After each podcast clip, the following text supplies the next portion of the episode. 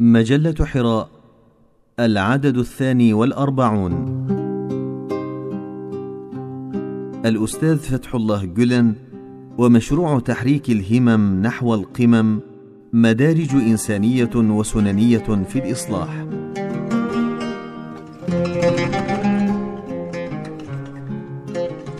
من قبضة الطين إلى نفخة الروح.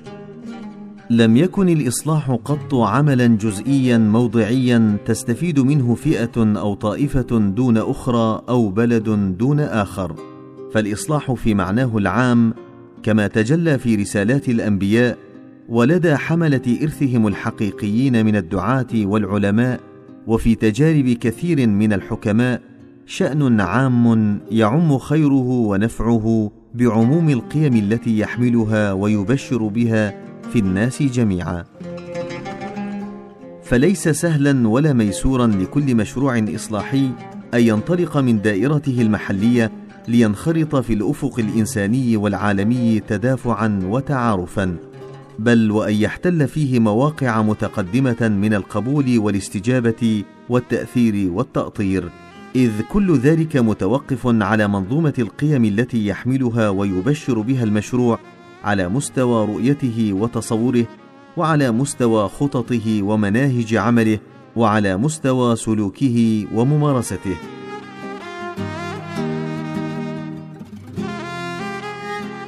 وليست كل حركة ذات نزوع عالمي تحمل بالضرورة قيما إنسانية عميقة كما هو شأن كثير من الشموليات الاستبدادية وشأن العولمة الآن.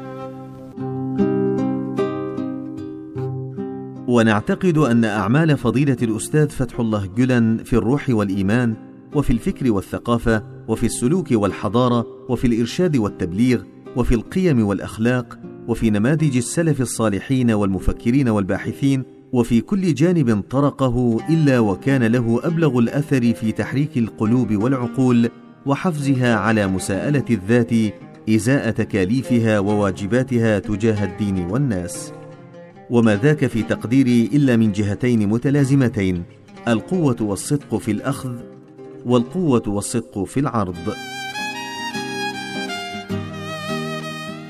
فلا يستطيع المرء أن ينبط من عمق الأصول إلا بصدق وقوة في الإقبال كما لا يستطيع أن يؤثر في الناس إلا بنفس القوة والصدق أو قريبا منهما في العرض عليهم. نعم نقول هذا ونكرره. لكننا نعجز عن القيام به وعن تمثله. وأعتقد أن الأستاذ يقدم نموذجا ومثالا حيا عن هذا الإمكان وذلك من خلال تحريكه لمساحات جديدة من القرآن يتحرك معها العقل والوجدان وينفعل بها الواقع والسلوك ويعاد من خلالها بناء تصور الإنسان عن ذاته وواقعه ومحيطه وذلك هو جوهر التجديد وروحه. لقد هيمنت النزاعات المادية النفعية والاستهلاكية على الفلسفات والعلوم وعلى الثقافة والحضارة وعلى القيم والأخلاق وأضحت تؤطر الناس وتصوغ أفكارهم وتوجه أذواقهم حتى إنه لم يعد للإنسان هامش من الحرية وإن تم كل ذلك باسم الحرية. ولهذا فالمقاربة الثقافية والحضارية لدى الأستاذ حاضرة بقوة لتخليص الإنسان من قبضة الطين وجعله يحيا وينعم بنفخة الروح. ولقد مارس الأستاذ تعديلات جوهرية عميقة في مفهومي الثقافة والحضارة مستلهما اجتهادات تجديدية وازنة وذلك بإعطائهما معان ودلالات تستحضر العمق الديني والروحي والإيماني اولا لتتجلى بعد ذلك في سائر المناحي والمجالات. صفحات جديدة يفتحها الإنسان في نفسه وينظر من خلالها إلى ما حوله متحررة من أسر الماضي المتحجر ومن هيمنة الحاضر المستكبر لتكون ثقافة وحضارة الأمة هي ذات الأمة المنبعثة من روحها وإيمانها متخلقة بأخلاقها وآدابها.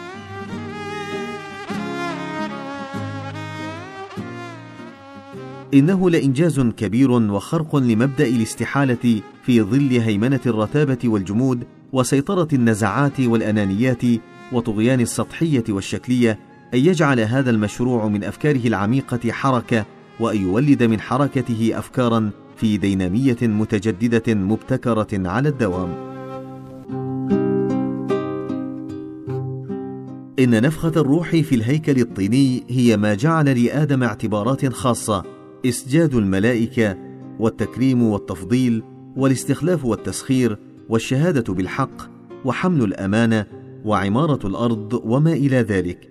وتلك أصول ومبادئ من رحمها أو على صرحها تصاغ الثقافة وتبنى الحضارة وتنشأ وتشاد العلوم والمعارف. من قيم المباني إلى قيم المعاني.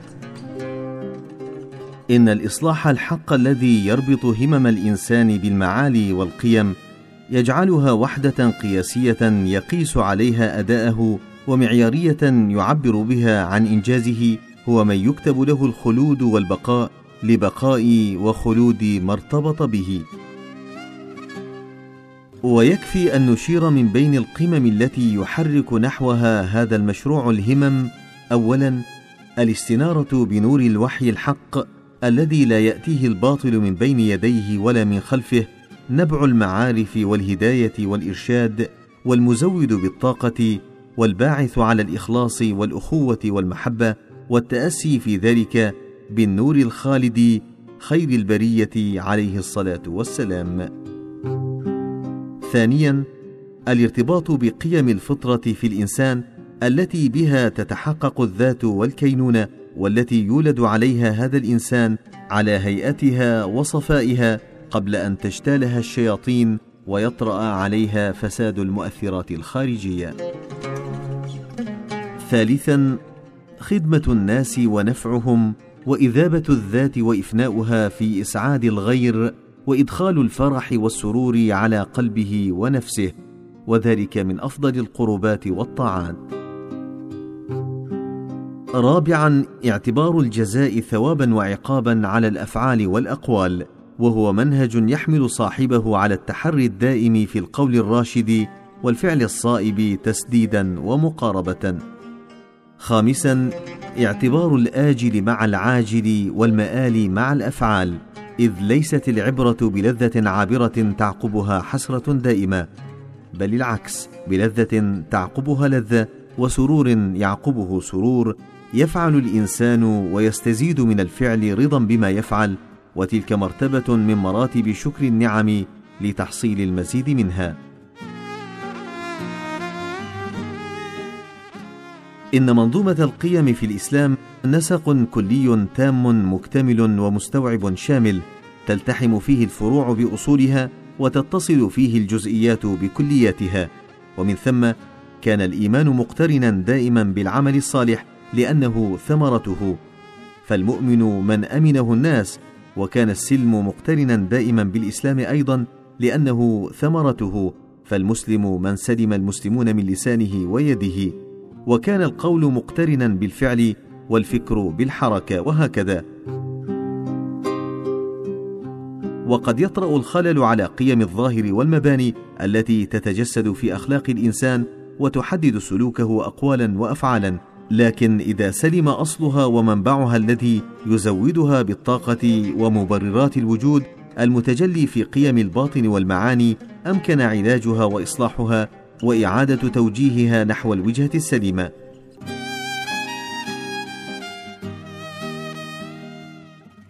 إن أخطر تحريف مارسته الحضارة الغربية المادية على أتباعها هو إفساد قيم الباطن والمعاني نفسها ومن ثم فقدان الميزان والمعيار القيمي المسدد والمصوب.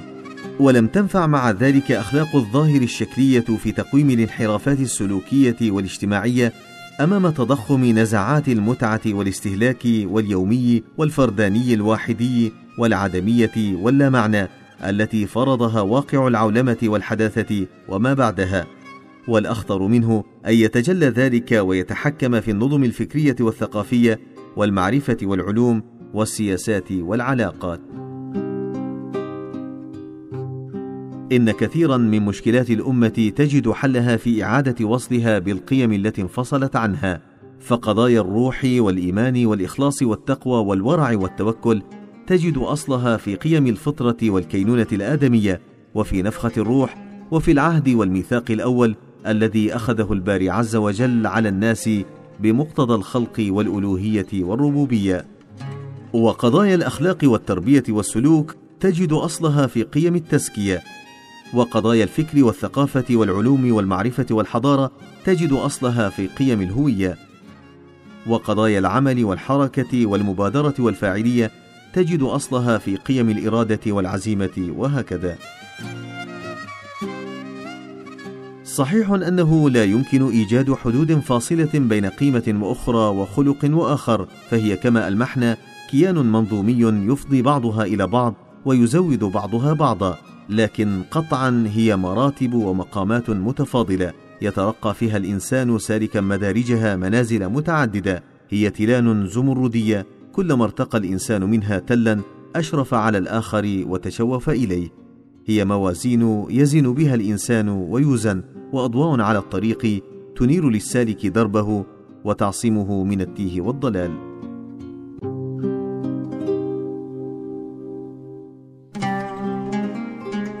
من الفوضى إلى النظام. إن الكون صحف الله المنظورة المبسوطة على الدوام أمام الإنسان تذكره يوميا بآياتها وتدعوه إلى التفكر كله نظام. والوحي صحف الله المقروءة المسطورة أمام الإنسان تذكره كذلك يوميا بآياتها وتدعوه إلى التدبر كله نظام كذلك. فكيف يعيش الإنسان الفوضى بين نظامين يتجلى فيهما معا الجلال والجمال الإلهي؟ ذلك التحدي الأكبر لوراثة الأرض وتمثيل الحق. عندما يحصل الإنسان قدرا من النظام ينسجم فيه أصله الطيني مع نفخة الروح وأخلاق الظاهر مع قيم الباطن وتتوحد فيه سنن الله الدينية الشرعية وسننه الكونية القدرية يهتدي بالأولى ويجني ثمار ذلك من الثانية. فهذه الحالة السوية حالة الاستقامة وأن لو استقاموا على الطريقة لأسقيناهم ماء غدقا وكل انحراف عنها موقع لا محالة في مخالفة السنن الثابتة المضطردة في الوحي والكون اجمالا أو تفصيلا في أحدهما أو فيهما معا. وذلك ما يستدعي هذا التنبيه إلى مسألة النظام طريقا إلى الوراثة واستعادة لهذا الحق. فمن سنن الله تعالى في خلقه تذكيرهم وإنذارهم وإرشادهم بالرسل والرسالات إلى الحق فانهم لم يستجيبوا وتمادوا في غيهم وطغيانهم أخذهم بالبأساء والضراء والمعيشة الضنك وتغيير الأحوال. ولقد أخذنا آل فرعون بالسنين ونقص من الثمرات لعلهم يذكرون. ذلك بأن الله لم يك مغيرا نعمة أنعمها على قوم حتى يغيروا ما بأنفسهم. وقد يرتفع هذا المستوى إلى درجة سنة الاستبدال الكلي للقوم عن طريق إهلاكهم وإبادتهم إذا بلغوا مستويات من الظلم والفساد. وكم قصمنا من قرية كانت ظالمة وأنشأنا بعدها قوما آخرين. وإن تتولوا يستبدل قوما غيركم ثم لا يكونوا أمثالكم.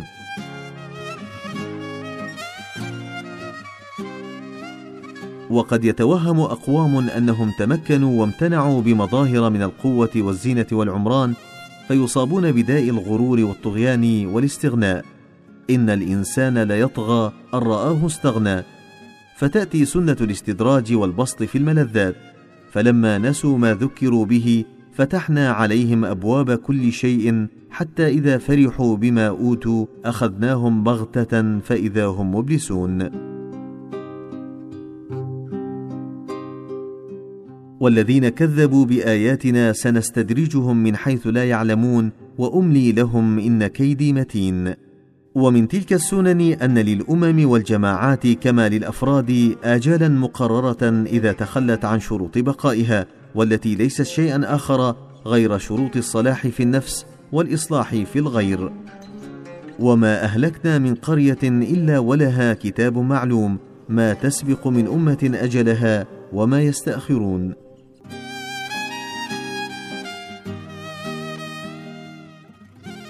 ومن تلك السنن أن الأرض يرثها في النهاية أهل الحق بقيم الصلاح فيهم وبتحققهم بشروط التمكين والاستخلاف. وعد الله الذين آمنوا منكم وعملوا الصالحات ليستخلفنهم في الأرض كما استخلف الذين من قبلهم وليمكنن لهم دينهم الذي ارتضى لهم وليبدلنهم من بعد خوفهم أمنا. يعبدونني لا يشركون بي شيئا. ولقد كتبنا في الزبور من بعد الذكر أن الأرض يرثها عبادي الصالحون. ولهذا أوجب القرآن السير في الأرض والنظر في سير الأولين كي لا تتكرر الأخطاء ويعاد إنتاج نفس العلل والآفات وذلك ما لا يفعله الكثيرون للأسف ممن يتصدون الإصلاح والتغيير والتجديد أفرادا أو جماعات فيبطئون هذه الحركة وقد يعرقلونها أو يكونون حواجز أمامها وهم لا يشعرون. واعتبر آخرون أن قصص الأنبياء والأمم أخبار وروايات لا تكليف معها وكأنها لمجرد المعرفة والترفيه مبطلين ومعطلين أصلا من أصول التدين وهو الاعتبار. أحد أصول التكاليف الجماعية المنوطة بالأمة كأمة كالخيرية والشهادة والوسطية والاستخلاف. نعم على الأمة تكاليف إزاء الإنسانية كما على الأفراد إزاء أنفسهم. وتلك مساحات تجمدت في القرآن والسنة تحتاج إلى من يحرك الهمم إلى قممها. ذلك ما نعتقد أن فضيلة الأستاذ فتح الله جلن منشغل ومهموم به إلى درجة التماهي معه. فكيف ينظر بعد ذلك من تعلق فكره ووجدانه بنفخة الروح وقيم المعاني ونظام الكبريات إلى ما دونها من مباحات الطين والمباني وصريات السنن وهل يكون مصلحا مجددا يعطي القدوة من نفسه لأجيال الأمل؟ من يفعل ذلك؟